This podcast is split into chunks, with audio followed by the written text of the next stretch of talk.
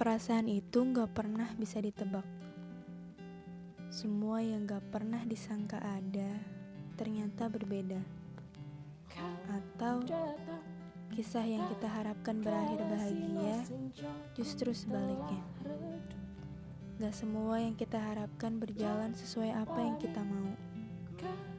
Gak bisa juga kita salahkan perasaan, karena ia bertindak sesuai dengan ingin kita.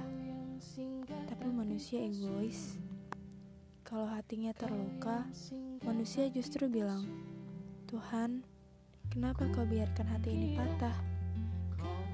Padahal yang membiarkan hatimu patah adalah dirimu sendiri. Cinta bertindak sesuai keputusanmu. Bisa kamu memilih untuk mengungkapkan supaya semesta tahu dan perasaan itu tak lagi mengawang.